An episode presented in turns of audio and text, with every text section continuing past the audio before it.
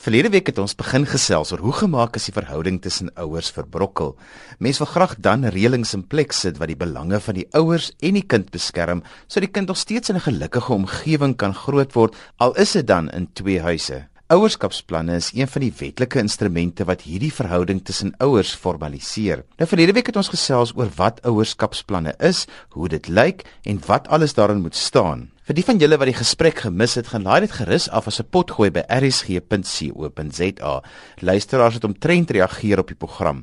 Ouers het per e-pos gevra, maar hoe gemaak as die een ouer nie by die ouerskapsplan hou nie? Ek het ook 'n navraag gehad oor die regte van 'n ouma tydens 'n egskeiding as sy die kind grootgemaak het en skielik na die egskeiding wil die ma nou dat die kind by haar kom bly en ontneem die ouma van toegang. Ons gaan vandag oor al hierdie aspekte nog vele ander navrae gesels wat ek van luisteraars ontvang het na verlede week se program. Om weer hieroor te gesels het ek dieselfde gaste as verlede week. Hester Bosman Sari is 'n bekende maatskaplike werker in die Wes-Kaap. Ernest Swanepoel is 'n advokaat, skrywer en kenner van die kinderwet en werk gereeld met ouerskapsplanne. En dan het ek ook weer vir Nerita Kloo, 'n kindertraumaterapeut van die organisasie Child Assist. Ernest soveel luisteraars het geskryf dat die ouerskapsplanne se uitvoering of die praktiese toepassing daarvan word nie afgedwing nie of dit gebeur nie. En ek het luisteraars gehad wat vertel hulle het selfs al na die polisie toe gegaan vir hulp en die trek ook maar net hulle skouers op. Wat is die doel van ouerskapsplanne dan as dit nie afgedwing word nie? Dit is baie moeilik en ek is bewus daarvan dat dit gebeur in die praktyk en dit is 'n groot frustrasie. Die doel daarvan is om um, die partye te kry om ooreen te kom oor sekere aspekte en om 'n ouerskapsplanne vir stuk papier kan nie moontlik alles doen nie. Daar word 'n mate van van samewerking natuurlik van die ouers se kant af ook verwag want 'n stuk papier kan nie intree en alles doen op die ouend. Mens verwag 'n mate van erge volwassenheid aan albei se kante en om die plan te laat werk ook. So dis eintlik maar net in effek is dit 'n stuk papier wat 'n stempel op kry en dis nie wat die ouerskapsplan niks werd is nie. Dit is natuurlik die wat kan 'n mens doen as iemand nie bang is vir die howe nie, as iemand nie ehm um, bang is dat hulle aangekla word van minagting of enigiets soos dit nie, dan Maar dis waar maatskaplike werkers inkom, Esther, want julle is opgelei om met onwillige ouers te werk. Ons is opgelei om met onwillige almal te werk. nie net met onwillige ouers nie. Ja, dis 'n interessante ding wat gebeur het met hierdie nuwe kinderwet as hy nou nog nuut is. En ehm um, dit is dat dit 'n spesifieke misdaad gemaak is om so 'n bevel nie na te kom nie. So in werklikheid in 'n ideale wêreld soos Ernie nou sal sê, sê nou maar dit is die ma wat nie wil hê die pa moet die kinders sien nie. Dan ja. sou die pa beëdigde verklaring kom maak, sy ouerskapsplan aanheg en dan formeel die ma laat aankla sonder dat dit kom gaan enige geld kos. Hy gaan dan by die polisiekantoor 'n saak maak en die senior staatsanklaer besluit dikwels om so 'n ma dan te vervolg. Ek is dikwels by die soort sake betrokke en dan moet die strafhof uiteindelik besluit of die ma nou rede gehad het om die kinders van die pa te vervreem of dit malafide was dat sy bloot net om wou terugkry vir dinge wat tussen groot mense gebeur het lank gelede. Nerita maar die die teenpool is mos nou maar wanneer mense in 'n verhouding is, dan gaan dit met hulle goed, maar as dit verbrokkel, dan sê aan een altyd 'n psigopaat. My dis nie tot my kind se voordeel dat hy kontak het met die ander persoon nie. Jy weet al daai seer wat hulle inbring, hoe hanteer 'n mens dit? Want dit is nie my oordeel, is dit nie in belang van die kind as die ouer vervreem word weens 'n seer wat tussen twee volwassenes gebeur het nie, soos wat Esther nou nog gesê het. Ja, weet jy vervreemding is glad nie in 'n kind se belang nie en dit gebeur bykans in elke liewe egskeiding of verbrokkeling van verhouding is daar 'n mate van vervreemding. Ehm um, wat ek beleef het is dat ouers probeer kyk of hulle die kind aan hulle kant kan kry. En eintlik moet die kind heeltemal uit daai geveg uitgehou word. Daar is natuurlik 'n proses wat 'n ou kan deurgaan as jy nou sê jy die ou ander ouer is 'n psigopaat. Ehm um, want dan kan jy ook mos nou soos Ernie nou weer die die ehm um, wette hier sal uitdruk is daar sekere ehm um, bevel waarvoor jy mos natuurlik kan vra as jy maar dan sal jy moet kom bewys dat jou gade 'n psigopaat is of was. Esther van die ouers sê altyd mos nou maar ek tree op in belang vir my kind. En dis net my kind se belang dat hy of sy ook nie so seer moet kry soos ek nie. Net soos in baie ma's hoor ek nou uit die briewe wat ek kry en sê hulle maar net soos wat hy my seer gemaak het gaan hy ons kinders ook seer maak. Ek dink dit is 'n baie algemene en 'n baie normale gevoel en ek het empatie met die ma's wat so voel. Maar moontlik kom hierdie gevoel van binne hulle en nie van die buiteomstandighede nie en ek kom agter dat dit belangrik is om te kyk was daar fisiese geweld in hierdie gesin en selfs was daar spesifieke geweld teen die kind of was die geweld dalk net tussen die ouers? En in gevalle waar daar geen geweld was tussen die ouer wat nou beskuldig word van wreedheid en die kind nie behoort daardie ouer die kans gegee te word om die kind te help versorg en om ten minste op sekere tye in sy sorg te hê.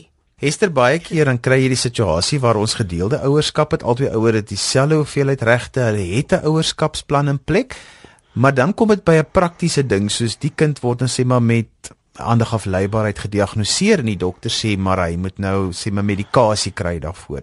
Die een ouer is daarteen gekant en die ander ouer sê maar dit moet so wees. Hoe hanteer 'n mens so iets want hulle sê albei ouers sê maar ons het eweveel reg op hierdie kind. Daar is 'n spesifieke artikel in die wet, artikel 31, wat bepaal dat ouers die ander ouer moet ken. So as daar so 'n dispuut ontwikkel, dan moet daar enige gekwalifiseerde mediator moet dan aangewys word en die persoon moet dan met hulle om 'n tafel sit en praat en die mediese bewyse, miskien kan hulle die dokter vra om saam te praat.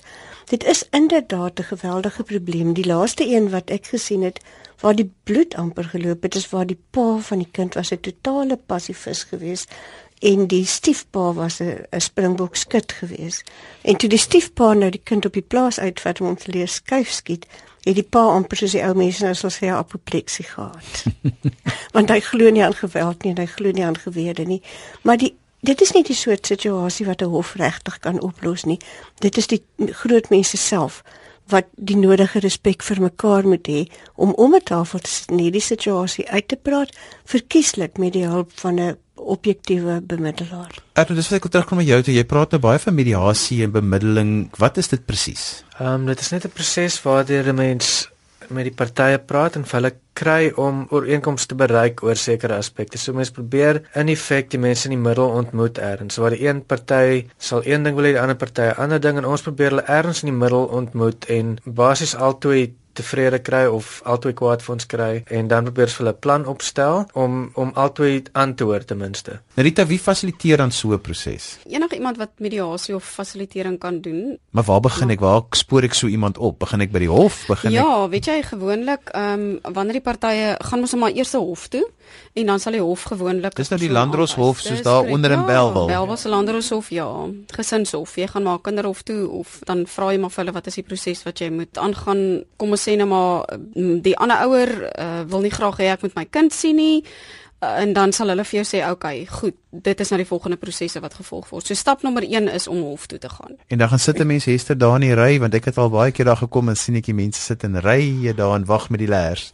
Ja, dit dit is so dat die die howe baie besig is. Sedert die nuwe kinderwet geïmplementeer is, het daar 'n verskriklike klomp take bygekom. So my my empatie is nie net vir my kollegas nie, maar dis ook vir die personeel by die landdroskantoore. Dit is baie keer ongelooflik om te sien wat in een middag van hulle verwag word. En hulle verwys dikwels en daar is byvoorbeeld ehm um, verenigings gewoonlik gewys hulle na maatskaplike werkers van die dienste is landwyd en die diens is reeds deur die departement van maatskaplike ontwikkeling gesubsidieer. So veral wanneer mense nie fondse het nie, word hulle nie uitgesluit van bemiddeling nie. Hulle word gewoonlik verwys na 'n maatskaplike werker. Erno beskerm die wet die ouer wat nie wraaksugtig is nie, want die een ouer is baie keer as gevolg van die seer raak regtig wraaksugtig en amper wil ek sê die ou mense gesê spiteful en probeer alles om in hulle vermoë om eintlik nie tot hierdie want ons hoor hierdie goed wat julle nou sê maar dit is in die perfekte wêreld. Maar hmm. word die arme ouer wat die wat amper die slagoffer is in hierdie proses van die wraaksugtige ouer beskerm op 'n manier? Het hy iewers amper wil ek sê 'n bietjie van 'n face wat hy kan sê maar weet jy ek word beskerm. Teoreties ja dit lyk wonderlik in 'n ideale wêreld maar daar is baie gevalle waar dit nie so uitwerk nie. Ek dink die die idee wat die kinderwet het van ek noem nou baie mediasies en so, maar die idee om om 'n groot tafel te gaan sit en te praat met 'n derde party om die dinge aan die lig te bring sal ook verhoed dat een party geboelie word die hele tyd teenoor 'n ander een. En so ek dink is belangrik dat die die dinge aan die lig kom ook. Ehm um, as ek dit so kan stel en dis hoekom ek voel dat om om ek wil amper sê bring die ou kombuistafel weer in en en kry derde party by of iemand om om daar te sit en gesels want dit doen wondere vir die oplossing van jy sulke tipe van probleme. Hester, kom ons praat net gou prakties wat moet wanneer gebeur wanneer die verhouding nou verbrokkel het totdat daar nou 'n ouerskapsplan in plek moet wees. Gee ons so 'n idee van nou moet ek dit en nou moet ek dat. Daar is dikwels ten spyte van die verbrokkeling van die verhouding, is die ouers heeltemal in staat om vir mekaar te sê, "Ehm um, gaan jy nog weer aan kom oplaai om soggens skool toe te vat terwyl jy nou getrek het?" En ehm um, dit dit is moontlik vir ouers om self 'n reëling te tref en dan word dit maar uiteindelik net 'n bevel van die hof gemaak. Hierdie ouerskapsplanne word geïnkorporeer in 'n in 'n egskeidingshof bevel en dan het jy jou hofbevel of dit word geregistreer deur die gesinsadvokaat of dit word gemaak deur die kinderhof. So dit is nie in elke enkele egskeiding wat dit gebeur nie, maar net meer opspraakwekkend waar die een ouer nou die kinders gebruik as 'n pion om die ander ouer mee te straf. So dit gebeur gelukkig nie en wanneer dit wel gebeur, ja, daar is 'n remedie, daar is 'n remedie in die reg dermate dat 'n persoon nou die ander mens kan laat aankla daarvan. Rita, nou as ek vermoed maar my ex is besig om die kinders as 'n pion te gebruik. Wat kan ek daaraan trend doen want ek weet die meeste mense sit met hulle hande in die hare want daar's elke keer net nog iets en nog iets en nog iets en dan op die ou ende kom hulle nie by hulle kinders uit nie. Weet jy wat ek gewoonlik voorstel is laat beide ehm um, die ouers gaan vir sielkundige evaluasie of vir vir counselling berading. Ehm um, en dan gewoonlik in in sulke sessies dan kom daar mos maar dinge uit wat 'n mens mos maar gewoonlik terughou waarvan iemand nou weet, nê. Ehm um, en dan dan vat 'n ou dit maar gewoonlik van daar af verder. Ehm um, die ideaal sal natuurlik wees as 'n ou ehm um, as 'n ou die ouers kan kry om nou natuurlik hulle samewerking te gee in so 'n geval. Maar wanneer die wanneer die party of die partye by 'n sielkundige of 'n beraader uitkom, ehm um, en net 'n bietjie hoor van die ander kant af hoe hoe om die saak te hanteer verander hulle houding gewoonlik teenoor die ander ouer. As as die fokusverskywing net plaasgevind het van myself af na my kind toe. Ek gaan nou nie dink net vir vir vandag, ek gaan na die counselor toe, ek gaan praat met haar. Ehm um, ek gaan na die sielkundige toe na, na die sielkundige toe gaan praat met hom. Dit is hoe ek voel en daai persoon kan my help deur die proses van uh, as ek maar die Afrikaanse woord mag gebruik van rou want dit is tog 'n mate van 'n rouproses en dan die kind word mos nou maar as die pion gebruik en as die slaansak, jy weet, uh, kom ek gebruik jou dan nou maar as die slaanmiddel om die ander ouer by te kry by te kom. Ja, en ek wil net sê dat baie dikwels is dit juis mense wat nie mekaar met mekaar goed kan kommunikeer nie, wat uiteindelik dan uitmekaar uitgaan want hulle hoor mekaar naand heeltemal verkeerd en die mees onskuldige opmerking of aanmerking wat die een mag hê word buite verband geruk en van die vorige geslagte word ingebring by hierdie dispuut tussen die ouers. Nou, die feit dat hulle nou uitmekaar uit is en dat dinge nou finaal is en dat albei gewoonlik finansiëel swakker daaraan toe is en die kinders ontwrig is, verbeter nie die kommunikasie tussen hulle nie. So een van die belangrike dinge wat 'n maatskaplike werker of 'n beraader of 'n sielkundige sou doen, sal nog steeds wees al is die mense nou uitmekaar uit om te probeer om die kommunikasie tussen hulle te verbeter sodat hulle ten minste mekaar as ouers kan vertrou indien hulle mekaar dan nou nie as liefdesmaats kan vertrou nie. As jy sopas ingeskakel het, jy luister na Groepyne saam met my Johan van Lille. Ons gesels vandag oor ouerskapskontrakte en wat om te doen as die verhouding tussen twee ouers verbrokkel het. My gaste is Hester Bosman Sarie, bekende maatskaplike werker, Ernest Swanepoel advokaat en kenner van die kinderwet en Rita Kloo, 'n kindertraumaterapeut van die organisasie Child Assist. Erna, kom ons praat nou oor die planne. Ons het nou genoem al die woord ouerskapsplanne. Ek dink vir mense wat in 'n egskeiding is, hulle weet, hulle is dalk nou besig daarmee, maar baie mense is al baie jare terug geskei en hulle het nie hulle weet nie verstaan nie die ding van ouerskapsplan nie. Watse dokumente is alles betrokke wanneer daar 'n verbrokkeling van verhouding is tussen ouers? Wel dit hang af, daar's baie gevalle waar daar 'n verbrokkeling is waar daar geen huwelik was nie.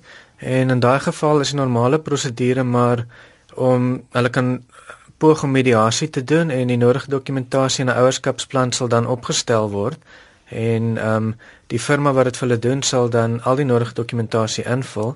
Alternatiefelik is daar gewoonlik 'n skikkingsakte indien die partye nou ehm um, getroud was op 'n stadium en hulle het geskei dan is daar gewoonlik 'n skikkingsakte wat die bepalinge aangaande kontak en ehm um, van die kinders en en die toesig van die kinders sal bepaal en dan wat hulle kan doen is hulle kan ehm um, weer eens is die opsie daar om te gaan vir mediasie en dan sal die ouerskapsplan wat opgestel word daar sal dan 'n vervanging wees van sal dit sal 'n vervanging wees van die skikkingsakte in terme van die egskeiding. Of alternatiefelik kan hulle ook daar is, is ook 'n aansoekprosedure wat gevolg kan word as hulle as hulle mediasie nie werk nie vir een of ander rede dan kan hulle aansoek uh, vorm 2 invul by die hof en hulle kan aansoek doen dat 'n sekere ouerskapsplan um, geregistreer word of hulle kan selfs ook aansoek doen dat die skikkingsakte gewysig word um, wat um, en dat sekere nuwe bepalinge in plek plek daarvan kan kom. Ernou maar die groot vraag is dat mense skik maklik as hulle in daai hitte van die stryd is. Is dit afdwingbaar? Want ek weet van baie pa se frustrasies, hulle het hierdie ouerskapsplan in plek, maar die ander party steur hulle net nie daarin nie. Ja, wel in daai geval as die ouerskapsplan in bevel van die hof gemaak is, dan is dit 'n oortreding in terme van die Kinderwet artikel 35. Dit is 'n oortreding uit en uit en daar is stappe wat gevolg kan word teen die persoon wat dit dan oortree. Maar ek dink die hele gees van die Kinderwet is een uh, artikel 72 jammer dat ek nou artikels heeltyd noem, maar op enige stadium selfs al staan jy buite in die hofgange, kan jy 'n skikking bereik. So die Kinderwet se hele gees is op uh, om vrede en en 'n praktiese oplossing te bereik. Ehm um, so as selfs as, as al is jy besig met 'n saak en jy staan in die gange van die kinderhof kan jy kan jy 'n skikking bereik net daar. Die hof, en dan vat jy daai skikking in en dit word 'n bevel gemaak deur die voorsittende beampte. So hier's te hoor ek vir Erno reg as hy sê dit is nie 'n dokument met 'n angel in nie, dit is 'n dokument om vrede te bevorder tussen die ouers wat nou nie meer saamwoon nie. Ja, die hele model van die kinderwet is 'n probleemoplossende een en ook die mediasie wat so dikwels gedoen word deur persone deur maatskaplike werkers byvoorbeeld in terme van die kinderwet. Die hele idee is dat die gesin is nog steeds 'n gesin. Die ouers is nie meer getroud nie, maar die ouers het nog steeds elkeen 'n onafhanklike verhouding met elke kind. Dis baie verlang, belangrik dat ek moet sê dis 'n onafhanklike verhouding. Dit is wenslik dat 'n ma nie byvoorbeeld die hele tyd sal inmeng en die pa sal oorkontroleer nie, maar sal vertrou dat die pa weet dat sy kind kos en klere en Hester in die in die nuwe Suid-Afrika bly die kinders baie keer by die ouma. En dan kom daar 'n egskeiding en skielik dan wil die ma nou die kinders terugvat en dit gaan oor al daai aspekte. Wat is die regte van die ouma? Die ouma het geen formele regte nie en ek sal weer wat ek verlede week gesê het wat vir my verskriklik interessant is is in hierdie nuwe kinderwet van ons word as 'n familielid gedefinieer, family member nie net die die die oupas en oumas nie, maar ook enige persoon met wie die kind 'n emosionele verhouding het. So die oumas dan al die plaaslike kinderhof kan nader en kan sê, Hierdie kind het nou 7 jaar lank by my gebly. Hy is gelukkig en dit gaan met hom goed. En ek wil aanspraak maak daarop om die primêre versorging van die kind te bly hê, want dit is nie kind se beste belang. So daar's geen rede waarom ouma nie vir die hof kan gaan vra die plaaslike kinderhof vir sekere regte nie. En dan kan sy saam met die feit dat sy die kind grootgemaak het en dat sy die bloedfamilie van die kind is, kan sy ook gaan sê dat hierdie kind nou reeds 'n emosionele band met haar ontwikkel het wat nie so meer verbreek kan word as die een of ander ouer die kind kan wegneem nie. Maar totdat die ouma 'n hofbevel gaan kry het, sal dit die ouers se reg wees om op enige oomblik by die voordeur in te stap vir die kind te sê pak en te gaan. Erno, daar's iets in die kinderwet wat ons noem artikel 21 en dit gaan oor die natuurlike pa se regte. Ja, dit is ehm um, dit wat hulle nou noem is in Engels is die terme unmarried father. In die verlede was daar ander terme gewees, maar huidigelik gaan die vraag nou maar net al wat artikel 21 basies sê daar is dat ehm um, daar's twee omstandighede waaronder 'n uh, uh ehm um, dit gaan oor die verkryging van ouerlike verantwoordelikhede en regte en Ehm um, dit sê net dat 'n ongetroude pa verkry die regte indien hy en die ma saamgebly het tydens sekere tydperke wat hulle noem of en dan die tweede vereiste is dat of die die die die tweede ehm um, geval is waar hy voldoen aan drie vereistes wat hulle dan noem. Dit is die dat hy mos bygedra het tot onderhoud dat hy homself moet identifiseer en dat hy mos bygedra het tot die tot die grootmaak van die kind dan. Ehm um, so dis dis al wat dit gaan. Hulle dit sê ek duidelik daar in artikel 21 dat indien daar 'n dispuut is oor enige van daai aspekte, indien die manne sou sê, ehm um, nee, maar jy is nie werklik jy verkry nie daai regte nie. Ehm um, jy voldoen nie aan daai vereistes wat die wet stel nie, dan moet die situasie verwys word vir mediasie. Ehm um, so dit staan ook duidelik daar. Ehm um, wat vir my interessant is is die omstandighede waaronder 'n natuurlike pa nie wetlike magte verkry nie. Dit is in gevalle van bloedskande van surrogaatouerskap in Suid-Afrika kry surrogaatouer geen regte nie en die vierde aspek is wanneer 'n hof spesifiek die regte weggeneem het, dan het hy ook nie ouerlike regte nie. So onder die meeste ander omstandighede. Ehm um, wanneer 'n pa die die kind deur verkrachting verwek is, dan verkry die pa ook nie ouerlike magte nie. So om af te sluit wil ek graag by julle hoor watse wenk het julle vir ouers wat nou in die hartseer situasie sit van waar hulle nou die verbrokkeling van die ouerskapsverhouding moet bestuur en hulle moet nou by 'n by 'n werkbare oplossing kom. So watse wenk het julle wat julle kan gee vir sulke ouers? Nou Rita, kom ons begin by jou. Johan, ek sal graag wil hê dat ouers moet besef dat hierdie kindjie of kind het 'n reg op 'n ma en 'n pa. En ek dink ons kan ons kan daarop baie uitwy die kind het die kind het daai het dieselfde liefde wat hy graag wil return aan albei ouers, maar as hy as hy sal moet kies, gaan hy nooit kan kies nie. So nee. spaar die kind daai trauma. Moenie kies nie en gee die kind die kans om 'n verhouding met albei ouers op te bou. Erno, ek sal sê indien moontlik, probeer om vrede te maak.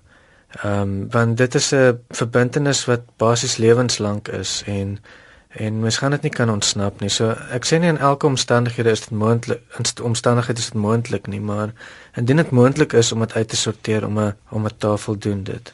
Ja, die mooi ding wat jy vir my gesê het is dat die ouerskapsplan is nie daar meer as om te sê kom ons maak vrede nie en kom ons kry 'n werkbare oplossing nie. Hester, 'n laaste gedagte van jou. Ja, en ek dink dit is baie belangrik dat wanneer ouers uitmekaar uitgaan, hulle 'n stewige ondersteuningssisteem sal hê of dit nou 'n vriend is en of dit 'n familielid is, hulle moet iemand hê met wie hulle werklik kan praat oor hulle mees intiemste gevoelens, maar dit mag nooit die kind wees nie. Die oomblik wat 'n ouer die kind begin gebruik as sy vernaamste bron van ondersteuning, is hy eintlik besig om van die kind te verwag om heeltemal 'n volwasse rol in te neem en om van een van sy ouers veel minder te dink. So moenie jou kind jou ondersteuningssisteem maak nie, dis nie reg teenoor die kind nie.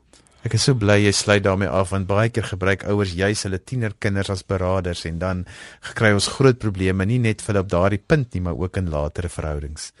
Narita verduidelik vir ons luisteraars wat is Child Assist en ook sommer hoe hulle met julle kan kontak maak. Ehm um, Johan Child Assist is 'n organisasie wat gestig is in 2009 waar ek basies begin werk het met getraumatiseerde kinders. Dit is 'n enige opset, enige tipe van trauma en dit het toe nou uit die aard van die saak baie familiewerk geword waar ouers uit egskeidings uit ehm um, na my toe gekom het en gesê het kan julle my help? Het sy ek wat die kinders sien of mediasie wat ek en Erno saam doen. So dit is maar basies waaroor Child Assist gaan. Die naam sê eintlik alles. Ons kyk hoe kan ons die kind help in die proses. So as ouers op hierdie stadium voel hulle kort hulp, dan kan hulle vir Child Assist kontak en julle sal dan vir hulle kan ondersteun. Dis korrek ja. Ons het 'n webwerf. Daar is 'n 'n vorm wat hulle op die webwerf kan invul wat direk deurkom na ons e-posadres toe. In die die webwerf is www.childassist.co.za. Nou ja, dis alwaar vir ons tyd het vandag.